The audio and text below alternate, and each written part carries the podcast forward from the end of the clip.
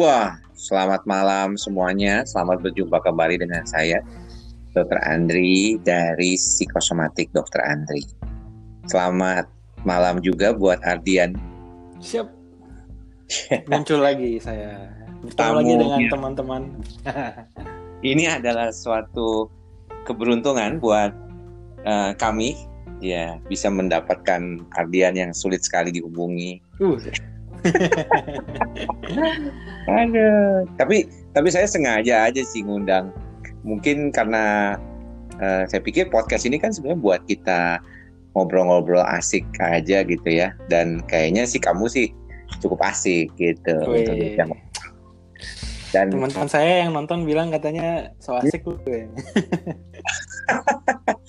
tapi tapi memang uh, saya orangnya sih senangnya praktis ya. Uh, orangnya cukup sederhana, nggak banyak uh, kepengen hal-hal yang ribetin saya gitu. Jadi menurut saya kalau saya bikin janji dulu sama orang gitu ya. Kalau kamu kan bisa nggak? Bisa. Ya udah yuk kita jalan dan spontanitas itu menurut saya tuh menarik gitu. Nah topik yang kita mau bicarakan pada kali ini kan sebenarnya bagian dari kita nih belakangan ini agak susah spontan ya gara-gara apa udah bosen apa gimana tuh kamu nggak merasa bosen sih kalau saya sih bosen sih, jujur aja ya. Sejak akhir Maret ini kan memang hmm. udah mulai social distancing, sekarang bilangnya physical distancing. Yeah. Ya iya. bosen juga, jadi memang saya hampir nggak ke mana-mana. Kalau kerja, ya pulang. Kalau dulu kan biasa kadang-kadang kalau bosen nge-mall, atau mungkin hmm. jalan-jalan hmm. ke mana. Hmm. Atau kadang-kadang main sama teman-teman. Tapi ya itu kan saya nggak bisa lakuin sekarang kayak sekarang nih saya juga lagi ini apa jadwal saya kebetulan ini saya udah kosongin buat apa waktu itu rencananya itu buat ujian tapi ujiannya ditunda ya udah deh jadi tiga empat hari ini saya di hmm. rumah ya bingung juga mau ngapain ya hmm.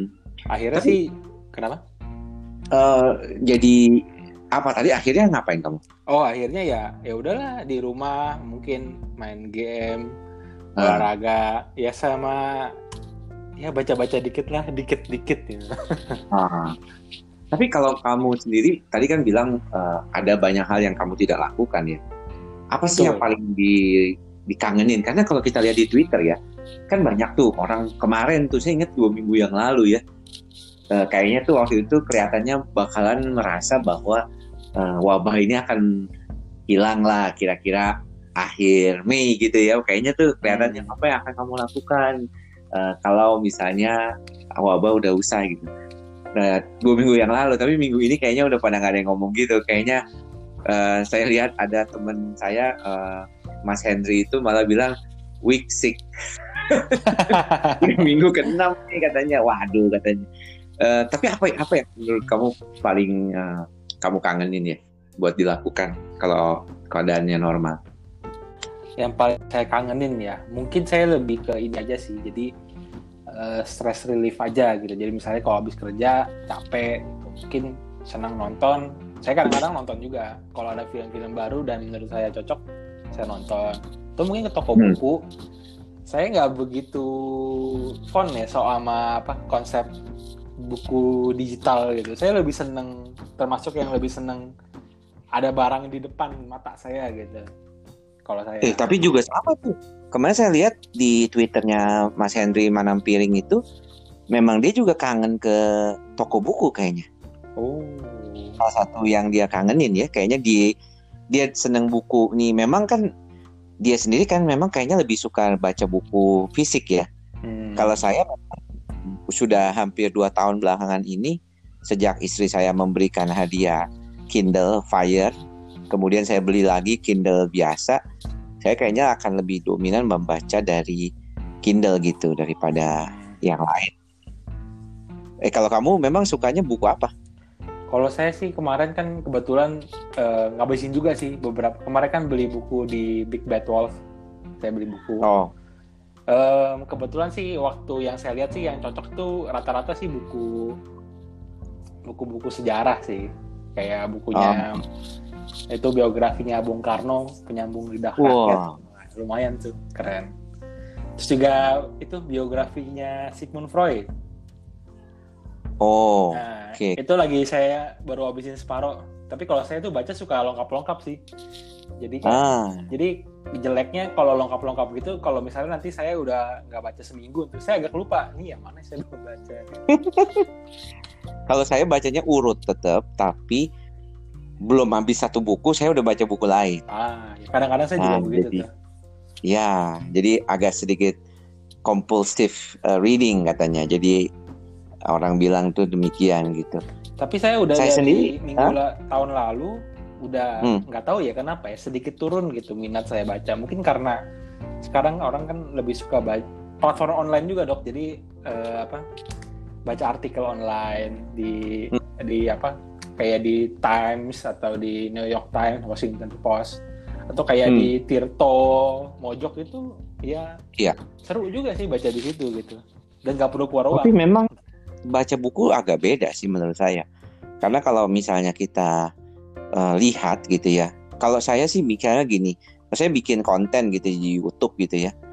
Saya biasanya tuh uh, akan melihat baca buku dulu gitu. Satu buku yang kira-kira bisa saya satu bab dari buku itu. Kemudian uh, kalau misalnya kira-kira menurut saya nih kayaknya kurang praktikal karena kadang-kadang buku itu kan terlalu banyak penjelasannya ya. Nah, baru saya cari artikel tuh di misalnya Psychology Today atau psikiatri eh, yang sifatnya tuh kayak ada kan Psychiatry Today juga ya kalau nggak salah tuh. Itu jadi jurnal-jurnal yang kemudian dia bikin sebagai untuk lay people gitu, untuk orang awam. Hmm. And then saya biasanya tuh lihat, wah kayaknya lumayan nih dia punya eh, apa ya, kayak ideasnya yang untuk aplikatifnya gitu. Jadi kalau di buku juga ada sih, cuman kadang-kadang kan buku tahu sendiri, kadang-kadang buku harus baca satu bab tuntas baru dapat gitu kan intinya. Kalau Iya itu kan cuma baca satu halaman nggak nyampe lima menit, kita udah dapat gitu, udah bisa bikin. Oh iya iya, terus sama kita apa ya kita campur ke dalam uh, pengalaman praktek itu jadilah gitu konten 10 menit lumayan gitu. Tapi kalau saya ini jujur ya kalau saya pikir ini kan kita eh, curhat-curhatan gitu. Saya tuh eh, kangen tampil. Ah, tampil di panggung gitu ya. Jadi sebenarnya ini eh, yang paling saya miss sih sebenarnya adalah saya eh, bulan madu ya sama istri. Eh, iya. Sayang Bisa. sekali ya. Itu sayang. Maksudnya tapi bisa tahun depan sih at least tapi I don't know eh, tahun depan apakah kita akan sama gitu ya dengan kondisi sebelum COVID-19 ini gitu kan. Penerbangan eh, bagaimana konteks di ruang terbuka nantinya saya nggak tahu lah. Tapi itu miss banget gitu. Tapi yang kedua miss saya itu memang tampil gitu. Eh, ada beberapa kesempatan tampil gitu ya di dalam dan di luar negeri yang akhirnya saya tidak bisa gitu. Dan kalau saya jujur itu bicara sama istri saya itu, ini yang kedua kali saya bicarakan dengan teman ya, artinya eh, kamu sebagai teman itu, itu yang saya kayaknya butuh sebagai suatu apa ya, bikin saya tuh jadi lifting up gitu. Karena kalau praktek itu nggak terlalu, karena menurut saya itu kayak rutinitas. Saya nggak tahu kamu memandang praktekmu apa?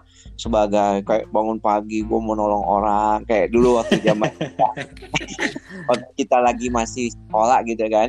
Kan kalau saya tanya ke mahasiswa baru kan saya mau jadi dokter karena ingin menolong orang. Tapi ketika kita menjalani itu itu bagian dari suatu apa ya saya nggak tahu ya. Saya ngomong apa keniscayaan yang memang udah bagian dari hidup kita kan. Udah begitu gitu aja Jan kita memandang jadi jadinya kayak sebagai profesi yang nggak beda jauh dengan teman-teman yang lain gitu ya cuma kita melayani orang gitu what do you think kalau menurutmu gimana Hmm, kalau saya pada prinsipnya sih saya orangnya agak introvert sih sebenarnya. Tapi eh, sering sering berjalannya waktu, udah sering praktek, sering ketemu orang ya cukup terbiasa gitu. Tapi saya bukan tipe orang yang dapat tenaga dari ngomong di depan orang banyak atau di depan orang gitu.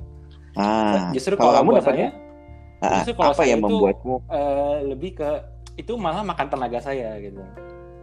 Kalau saya justru kalau misal iya, ibaratnya iya. kayak baterai aja gitu. Jadi kalau udah ketemu orang terlalu banyak ya baterainya habis ya. Habis itu kayak gitu saya harus butuh me time gitu buat sendiri ah begitu. Nanti sek- misalnya besok lagi ya bisa lagi gitu. Tapi saya Ah. pada prinsipnya nggak gitu bisa ketemu orang banyak dalam waktu terus menerus gitu. kalau saya. Ah. Tapi kalau begitu berarti uh, media podcast ini cocok ya buat dirimu ya. Kamu nggak perlu tampil banget uh, kayak di TV atau di YouTube gitu ya. Kalau kamu diajak collab sama YouTube saya mungkin uh, mesti mikir-mikir juga kali. Tapi kalau oh. ngomong kayak aku lebih bisa banget. Kita banyak omongan di atas 20 menit kan sebenarnya. Hmm. Sebenarnya sih uh, apa ya? Kalau makanya saya sih nggak gitu kepikiran untuk bikin konten yang misalnya kayak bikin YouTube. Ada saya juga nawarin kan, lu mau nggak bikin? Kalau ayo bikin nanti beli beli mikrofonnya nanti kita gampang lah bisa setup gitu. Saya sampai saat ini sih belum terlalu kepikiran ke arah situ. Cuma memang ah. ketertarikan sih gitu dengan artian pengen coba uh, apa ya? Pengen coba medium yang baru gitu. Ngobrol. Saya kan hmm. sempat diwawancara sama Vice juga Yes, uh, yes, I, I saw that. Tentang apa masalah jam kerja anak muda gitu dan sejak dari hmm. situ tuh, oh ternyata enak juga ya ngomong kayak gitu gitu. Iya. Yeah. Tapi saya sih gitu. belum kepikiran bikin konten yang bisa kayak Andre psikosomatik gitu, bikin konten terus menerus gitu. Tapi rasa ah. untuk kepengen tuh ada sebenarnya. Saya sih bikin konten itu lebih karena, nah tadi gitu. Jadi uh, ada keinginan untuk tampil di panggung. Sebenarnya saya suka di panggung gitu ya. Saya suka ketemu orang ya. Makanya kalau saya ada pertemuan kongres tuh saya suka gitu ya. Apalagi kalau orang-orang yang kenal baik dengan saya gitu ya. Senior senior gitu ya. Uh, itu saya suka banget gitu. Kalau di luar mungkin saya butuh uh, pengalamannya gitu ya. Tampil di panggung internasional tuh buat saya penting. Tapi kalau YouTube itu memang dibuat karena awalnya memang lebih buat promosi kesehatan jiwa gitu. Orang biar lebih tahu psikiatri itu kayak apa apa saja yang dilakukan. Terus kemudian nggak semuanya menghadapi kasus-kasus schizophrenia atau kegilaan gitu. Tapi kemudian belakangan uh, beriringnya waktu orang mendapatkan manfaat dari YouTube itu dan apresiasi mereka tuh yang membuat saya jadinya mikir kapan lagi dok? Gitu. Kemarin udah sempet dua hari tuh saya agak mandek gitu ya mungkin karena saya juga udah uh, running satu bulan terus-terusan setiap hari kemudian saya kayaknya agak sedikit kendor gitu. Hmm.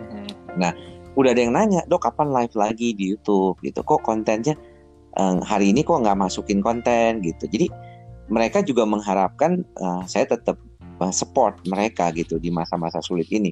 That's why why kenapa tadi kita ngomongin soal ini kayaknya saya sendiri sempat merasakan ini kok mulai agak memang membosankan gitu ya. Secara umum kita merasa uh, kayak kayaknya gini kalau misalnya orang itu memang sehari-hari nggak ada kerjaan lain gitu ya uh, selain dia daripada nenangga nenangga ke tetangga lagi atau ke ke siapa-siapa gitu ya. Nah kalau misalnya dia tiba-tiba sekarang nggak boleh ke mana-mana ibadah juga nggak bisa mau ketemu teman juga susah arisan nggak bisa teman-teman saya pengajian nggak bisa. Karena kemarin ada salah satu teman yang bicara bahwa uh, orang tuanya juga mengalami masalah gitu istilahnya ketika tidak uh, bisa beraktivitas seperti biasa lagi. Jadi agak sedikit lebih cranky sering marah kayak gitu. Sering jadi gampang tersinggung gitu. Dan ini ternyata memang uh, nggak nggak gampang gitu melewatinya. Mau kita bilangin uh, apa berhubungan lah dengan teman uh, video call. Tapi kalau orang-orang di umur 60-an 50-an itu kayaknya nggak semuanya bisa juga video call. Iya benar. Keterikatan fisik itu tidak terlalu bisa digantikan oleh keterikatan digital gitu. Kalau menurutmu gimana? Hmm, kalau menurut saya sih ya tetap maksudnya ya mungkin benar gitu. Seperti kata dokter Andri hmm. uh, apa misalnya kalau ketemu langsung sama ketemu video call tuh beda memang. Tapi ya kadang-kadang ya memang itu alternatif yang ya memang untuk saat ini kita cuma bisa punya itu gitu. Mungkin nanti 10-20 tahun lagi kita bisa ada kayak virtual atau hologram gitu. Kayak virtual reality ala-ala tahun 90-an gitu. Pakai kayak kacamata hmm. khusus nanti kita bisa ngelihat apa ngelihat uh, orang secara real time kayak orang benar-benar ketemu gitu hmm. mungkin aja nggak tahu juga kan tapi kalau misalnya dari kamu sendiri uh, pengalaman baik pribadi maupun cerita orang tentang masa-masa saat ini gimana? Artinya uh, work from home, uh, karantina sendiri gitu ya uh, di dalam rumah gitu. Gimana tuh? Karena kemarin saya sempat ngomongin di Twitter gitu ya uh, masalah ini dan ada beberapa teman yang menjawab ya dok uh, saya punya kontrakan cuma tiga kali tiga meter, ah, iya, iya, uh, cuman cuman di dalam kamar sehari-hari nggak bisa keluar. Mungkin akhirnya ah nggak tahu ya saya sih melihat kota saya di sini kota Tangerang ya. Uh, walaupun kita memperlakukan PSBB nggak terlalu beda loh. Toko buka uh, Indomaret tetap ya rame gitu ya. Alfamidi Alfamart uh, mall ada satu yang buka dan ya masih melayani take away sih tapi ya masih ada hawa-hawa mallnya lah walaupun banyak toko tutup gitu. Hawa mall. Iya kalau di Jakarta katanya tutup ya. Uh, sebagian aja tutup tapi kalaupun dibilang tutup juga Taman Anggrek? Kayaknya tutup deh. Cuma maksudnya dalam artian um, sebagian besar toko sisa yang buka itu cuma kayak apa toko grosirnya eh toko supermarketnya sama mungkin sebagian restoran ya. mungkin buka hmm. tapi ya nggak ke sana jadi nggak ya, tahu belum. sih iya iya belum kita juga memikirkan kan uh, karyawan-karyawan mereka ya yang sebenarnya mungkin tidak tidak digaji ya atau dirumahkan tanpa tanpa iya, pesangon iya, ya pastinya dengan kondisi seperti ini. Hmm, karena ini udah udah saya ini Jumat ini kita sudah masuk bulan puasa kan iya, sebenarnya. Tanggal 24 ya. Iya, 24. 4. 23 atau 24? 24. Kalau dari Muhammadiyah kayaknya tanggal 24 kemarin sudah ada uh, pengumuman. Biasa sih kalau Muhammadiyah sama pemerintah beda sehari sih. Jadi Muhammadiyah bisa lebih ya. bisa lebih mundur sedikit. Tanggal 4 Mei Lebarannya tuh udah di tanggalan kita tuh udah bener emang hari pertama Lebaran. Hmm. Gitu. Sekarang juga nanti Cuman dari ya, apa? Kali pemerintah pusat kayaknya juga nanti uh, libur Lebaran kayaknya nggak dapet deh tahun ini. Jadi um, nggak ada hubungannya sih karena tanggal 21 itu kan ada kenaikan Isa Al-Masih. Oh tanggal 21 itu hari hari hari Rabu kalau nggak salah. Kamis Jumat masuk kalau mau, kemudian Sabtu minggunya lebaran. Hmm. Tanggal 24 gitu. Iya sih. Nyata liburnya banyak. Jadi Jadi kalau enggak ya paling disatuin kan katanya diubah ke nanti Desember. Tapi saya nggak ya, tahu pasti sih katanya gitu. kalau untuk PNS, PNS dan pegawai BUMN hmm. nanti bisa dapat sanksi kalau misalnya pulang kampung. Oh mereka nggak boleh pulang kampung. Oh, nah, begitu. Eh tapi by the way, kalau dari di depan, uh, maksudnya di garda terdepan kayak kamu puskesmas itu, kasusnya bagaimana? Meningkat atau tidak terlalu? Atau bagaimana? Kalau di tempat saya sih kan saya di 24 jam ya. Kita masuk biasanya udah nggak hmm. ada pagi sekarang jadi siang dan malam. Hmm. Sekarang ngurusin pasien COVID doang sih kayaknya kalau siang. Uh, iya. Jadi memang jumlah pasien pasti turun karena kalau saya udah kasih instruksi kan, pokoknya nanti kalau kita terima pasien sebaiknya sih uh, apa nung, apa nggak usah nggak usah di maksudnya kalau mau berobat mungkin ditunda dulu. Tapi kalau mau nunggu sih nggak apa-apa. Soalnya kita dapat instruksi nggak boleh menolak pasien. Oh ya udah kemarin sih saya memang awal-awal saya bilang kasih kasih pengertian udah bu lagi ini bisa uh, kalau memang berkenan sebaiknya pulang aja besok datang lagi pagi gitu. Tapi saya katanya kita nggak boleh nolak pasien ya udah disuruh nunggu aja oh ya udah deh nunggu lah nunggu untuk apa kenapa nunggu mereka jadi katanya sih um, nunggu jadi misalnya uh, menunggu sampai saya selesai ngurusin pasien ke coronanya gitu ya Oh. Kalau misalnya saya mulai ngurusinnya yeah, yeah. jam jam 3 atau jam 4 gitu. Ya syukur-syukur selesai jam 6 gitu, syukur-syukur. Tapi kadang-kadang ya jam 9 baru selesai. Kalau lagi sial banget bisa paginya baru selesai jam 2 pagi kayak kemarin tuh. Wah, itu repot banget. Uh, iya, iya. Dan itu kamu pakai APD oh, lengkap. APD sih Wah. lengkap. Saat ini sih kita belum ada masalah. Saat ini tuh benar-benar saat ini ya. Kalau nanti dua tiga hari ke depan ya nggak tahu karena fluktuasinya tuh benar-benar agak naik apa e, benar-benar nggak bisa diprediksi gitu. Kadang-kadang kita udah ngajuin hmm. ya kadang-kadang kan mesti ngantri juga. Sekarang rumah sakit yang di rumah sakit yang diutamakan untuk, untuk APD. APD karena mereka kan memang benar-benar pasiennya benar-benar apa uh, pasien benar-benar rawat positif kan. Justru mereka nggak hmm. boleh kehabisan gitu. Oke. Okay. Terus kalau misalnya pakai APD itu sekali satu udah ya dan dibuang ya di situ ya. Ah, idealnya ya. begitu. Cuma saat ini sih begitu juga. Cuma kalau nanti uh, makin menipis nggak tahu juga. Mungkin nanti akan dipertimbangkan opsi buat reuse. Hmm. Iya iya iya. Dan sekali pakai itu di, berapa lama pakai kira-kira? Empat jam? Hmm, sesuai shift aja sih. Kalau misalnya kayak shift siang gitu ya sekitar 6 jam. Kalau shift malam nggak bisa kencing dong. Iya kalau saya sih udahlah tahan aja. Kalau 6 jam ya saya tahan aja. Bisa ketahan 6 jam kamu nggak ya, kencing? justru, maksudnya kan sebelum maksud sebelum pakai kencing dulu. Ya jadi dan nggak banyak minum, minum gitu. Jadi dengan harapan 6 jam itu nggak kepengen kencing harapannya gitu. Nggak pakai pampers aja? Kan nggak punya. Kalau pampers dewasa di sini nggak disediain dong Coba tahu modal diri sendiri daripada tersiksa nggak nggak bisa kencing enam 6 jam. Kalau rahimnya anget basah itu.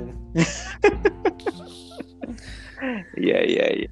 Tapi eh, ya kita sih masih aktivitas hmm. ya mungkin nggak terlalu bermasalah ya. Saya lihat ada beberapa orang yang memang sangat terpengaruh ya dengan. Tapi dengan, kalau dokter dengan... Andri sendiri di rumah sakit hmm. Omni kan, uh, rumah sakit swasta yeah. gitu, ada sedikit hmm perbedaan nggak? Mungkin kalau tukar pengalaman sama teman-teman yang kerja di rumah sakit pemerintah gitu?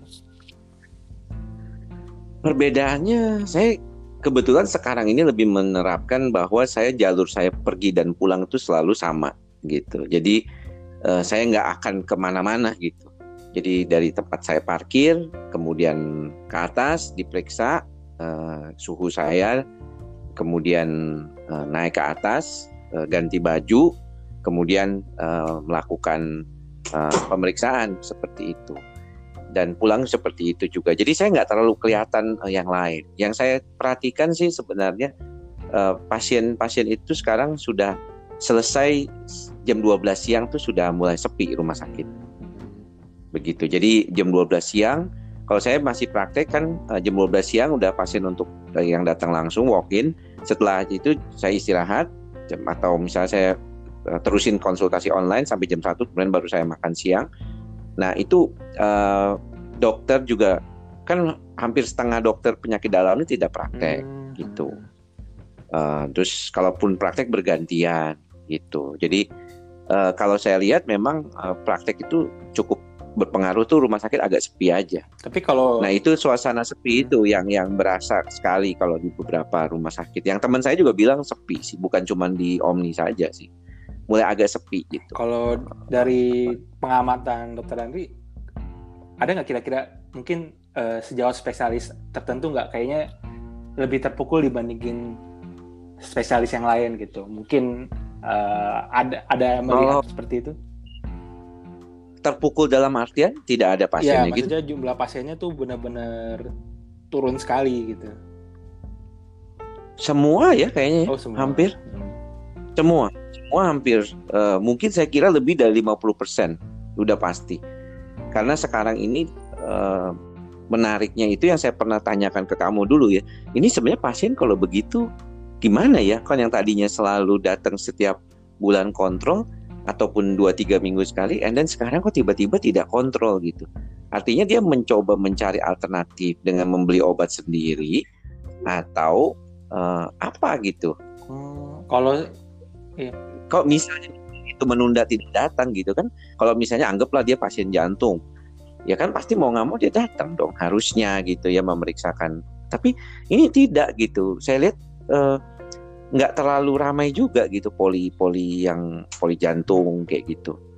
Kalau saya sih lihat memang penyakit tergantung compliance-nya pasien juga sih. Jadi kalau misalnya pasiennya memang cukup sadar dengan kondisi dia sakit ya alternatif itu. Dia oh ini obatnya yang dokter yang biasa kasih saya dia coba cari sendiri. Tapi kadang-kadang ada memang rada acuh yang minum obatnya habis ya udah gitu ya udahlah paling minggu depan Oh, bulan depan iya. mungkin mikirnya gitu. Bulan depan mungkin udah udah normal lagi. Ya udahlah berobatnya bulan depan aja. Ya udah sebulan nggak minum obat. Ya ini yang menurut saya juga kalau buat psikiatri itu nggak bisa. Karena kebanyakan mereka menjalani pengobatan 2-3 bulan minimal bahkan ada yang lebih. Dan untungnya ada konsultasi online saya kira itu sangat membantu sih untuk saya. Ya kurang tetap artinya saya sekarang eh, lebih bisa pulang jam 5 saya sudah di rumah which is menurut saya itu menggembirakan gitu. Saya mencari itu kemarin tuh jadi dapat itu tuh saya merasa malah happy gitu. Iya ya saya kan sekarang bisa pulang jam 5 saya bisa santai-santai gitu. Eh, kemudian ya eh, apa namanya jadwal manggungnya juga nggak nggak ada gitu ya. Saya merasa kayak artis sekarang juga bingung loh artis tuh banyak loh. Kemarin di koran kan juga ada yang bilang salah satu artis kebingungan bayar cicilan kan? Gara-gara iya, kita nggak usah sebut nama artisnya tapi dia ceritanya. bayar cicilan. Banyak yang bilang eh, mereka eh, termasuk salah satu yang terdampak sekali ya oh dengan iya kondisi pasti. sekarang. Dan mereka memang kalau industri hiburan sih pasti berasa banget deh. Tapi kalau Iya. dari mungkin Benar, anak-anak gitu eh, dokter Andi sendiri maksudnya kan udah sekitar sebulanan ini lah dua tiga minggu ini pulang cepet gitu dari Iya. anak-anak Iya. sendiri happy nggak atau malah mungkin mereka sudah agak terbiasa orang tuanya sibuk gitu biasa aja sih. Kalau mereka sih biasa aja. Kayak misalnya saya bisa menyempatkan diri sementara merekam podcast ini. Tadi ada anak saya tuh datang eh, bolak ngambil sesuatu di kamar kerja ini, terus dia keluar lagi gitu. Jadi dia udah tahu sih papanya itu punya YouTube channel. Eh, dia juga tahu bahwa papanya suka bikin video. Dia suka tanya apakah saya sudah mencapai satu juta subscriber. Karena kalau satu juta subscriber, dia bilang saya akan mendapatkan gold Oh, play button. tapi saya aja nggak tahu. tapi mungkin iya tahu hebat dia ya tahu. Hah? Bahkan dia tahu siapa yang dua orang youtuber yang sudah 100 juta Hah? subscribernya. Wow, saya tahu. 100 juta. Dan itu pakai dapatnya tuh diamond warnanya merah. Uh, dan dibuatnya di Prancis namanya saya dikasih tahu namanya daerahnya namanya Barakati. wow. Kayak Nah, sekarang tuh emang jauh lebih tahu daripada kita kadang-kadang kalau hal-hal 100 yang juta gitu. kira-kira berapa tahun lagi nggak bakal kayaknya sih. Dan itu kenapa saya bilang nggak bakal? Karena eh, saya kira memang konten YouTube saya tuh termasuk yang yang Hmm. biasa gitu ya, nggak ada gimmick-gimmicknya gitu.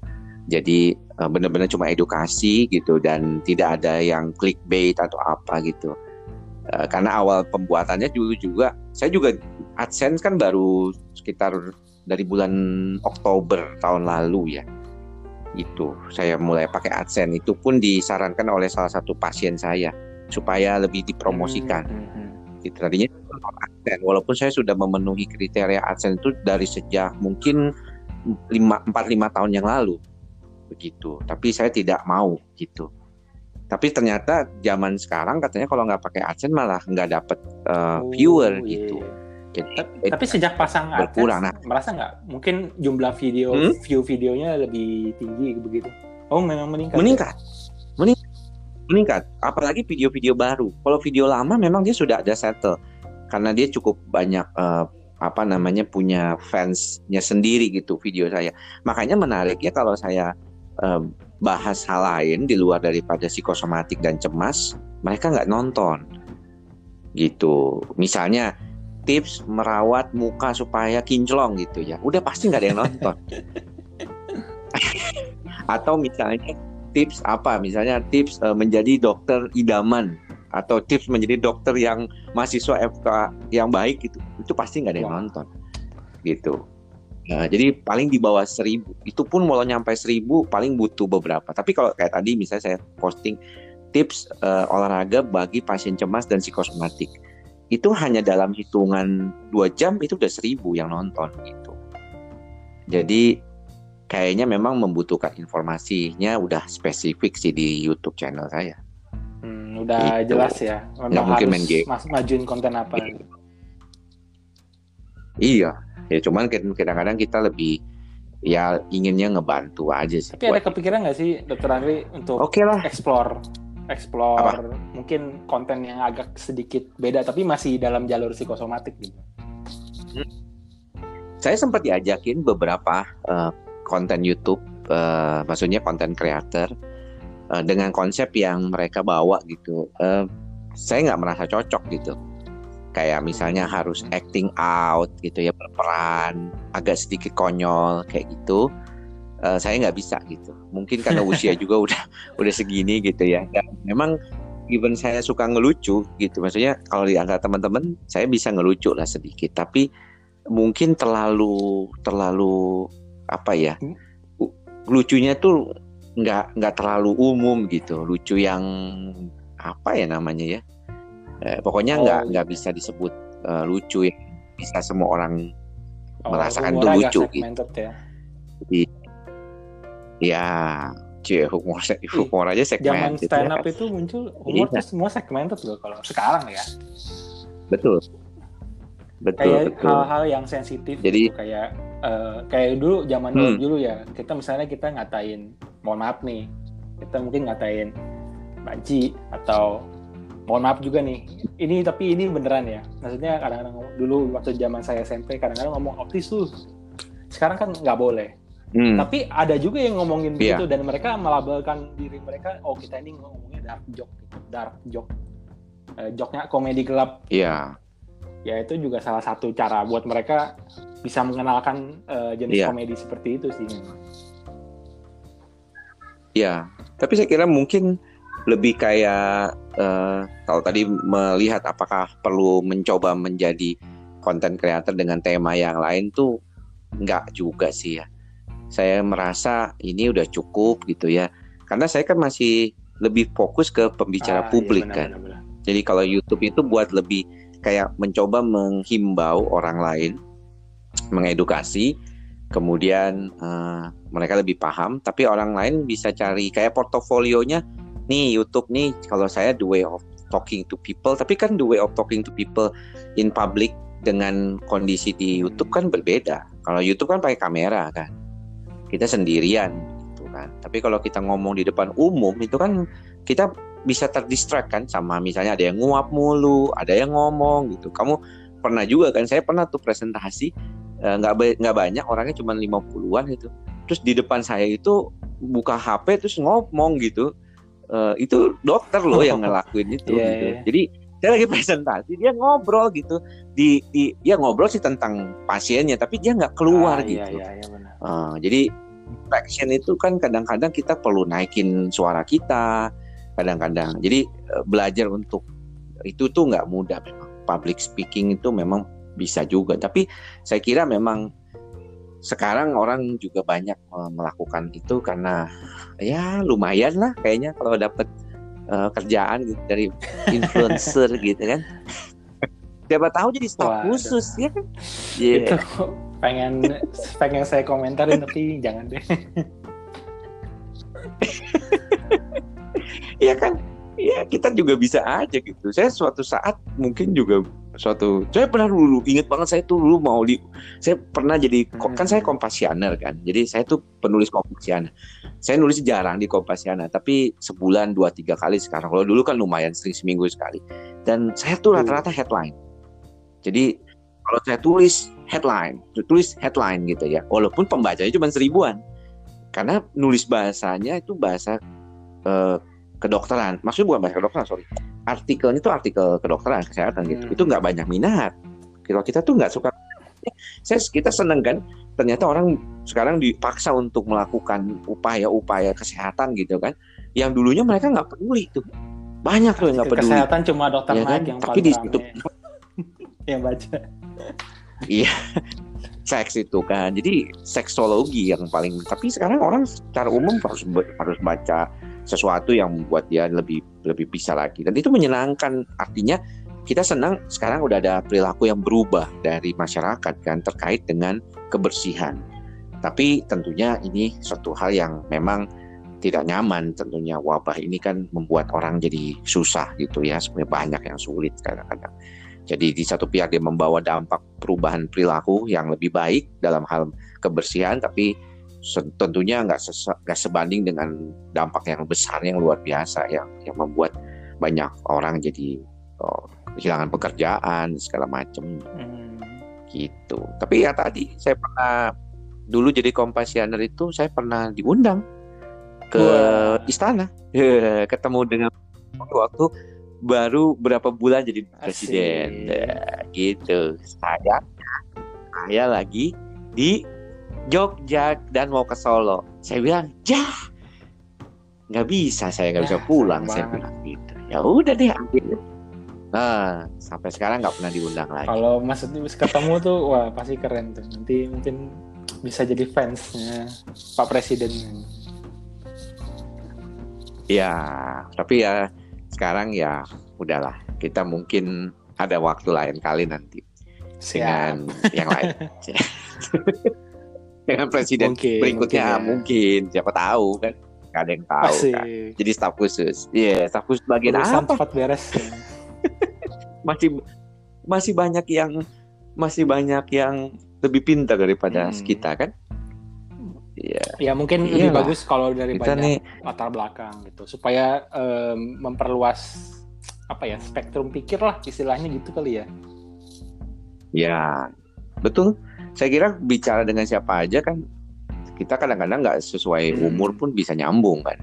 Saya sama kamu kan bedanya iya. lebih dari 10 tahun. Ya kan? tapi mungkin Iya, satu show masih ini yeah. lah, Mbak masih cukup intas lah dengan pop culture gitu kok ya karena masih baca jadi asal kita mau baca ya bisa sih oke lah kalau begitu kita sudah lebih dari 30 menit berbicara Berasa ya dan teman-teman yang mendengar mungkin juga kenapa bicaranya kok jadi ke mana-mana? Saya bilang memang ini kan bicara ngalor ngidul mengusir kebosanan. Makanya temannya nggak nggak ini ya ini temannya agak melebar sedikit.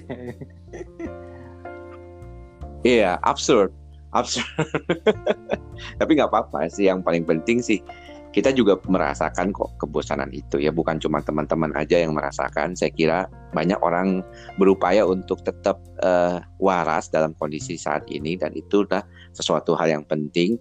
Uh, keep the spirit itu penting juga buat kita walaupun mungkin terkesan klise tapi menurut saya penting juga untuk tetap punya fokus. Saya tetap pengen punya fokus suatu saat nanti saya masih bisa uh, presentasi tahun depan di Austria seperti rencana tahun ini sebenarnya.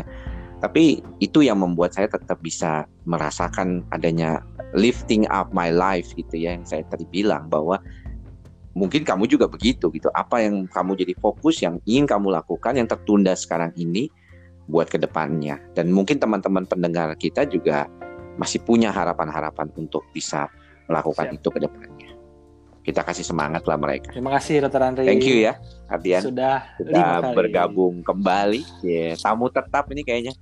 Gitu ya. Jangan-jangan nanti kita podcastnya ganti aja Andri Jangan dan Ardian. Tapi boleh dipikirin tuh. Mungkin nanti ada segmen tertentu ya. Boleh. Nanti kita lain, lain. Mungkin kita kontennya beda. Nah itu ide bagus itu. Menurut saya tuh hal-hal kayak gini tuh kita nggak bisa dapatkan hanya dari sisi sendiri. Kadang-kadang kita ngobrol, eh iya ya kita bikin ini yuk siapa tahu kan kita bisa. Kamu yang bikin oh, bintang tamunya ya, saya bisa gitu. dipikirkan tuh. Mungkin nanti bisa. Boleh. Jadi apa special talknya tuh mungkin lebih kayak yang apa genre-nya lebih kayak ke apa pop culture kita bicara tentang hobi atau apa kan kita bisa saling ini. Nanti kita ngundang orang lain gitu kan oh, jadi lucu iya. tuh. Hmm. yang tadinya satu dua terus jadi tiga nanti. Wah boleh boleh Nanti ngundang ini dong, ngundang dokter Tompi.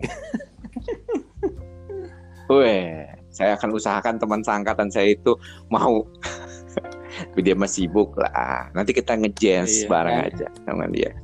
Mudah-mudahan tercapai. Baik dok, Oke. Okay. terima kasih. Thank you. Ya, selamat malam. Mudah-mudahan teman-teman semua yang mendengarkan kita juga selalu dalam keadaan sehat, semangat, dan tetap sehat jiwa dan raganya. Sampai bertemu lagi di podcast saya berikutnya. Salam sehat jiwa.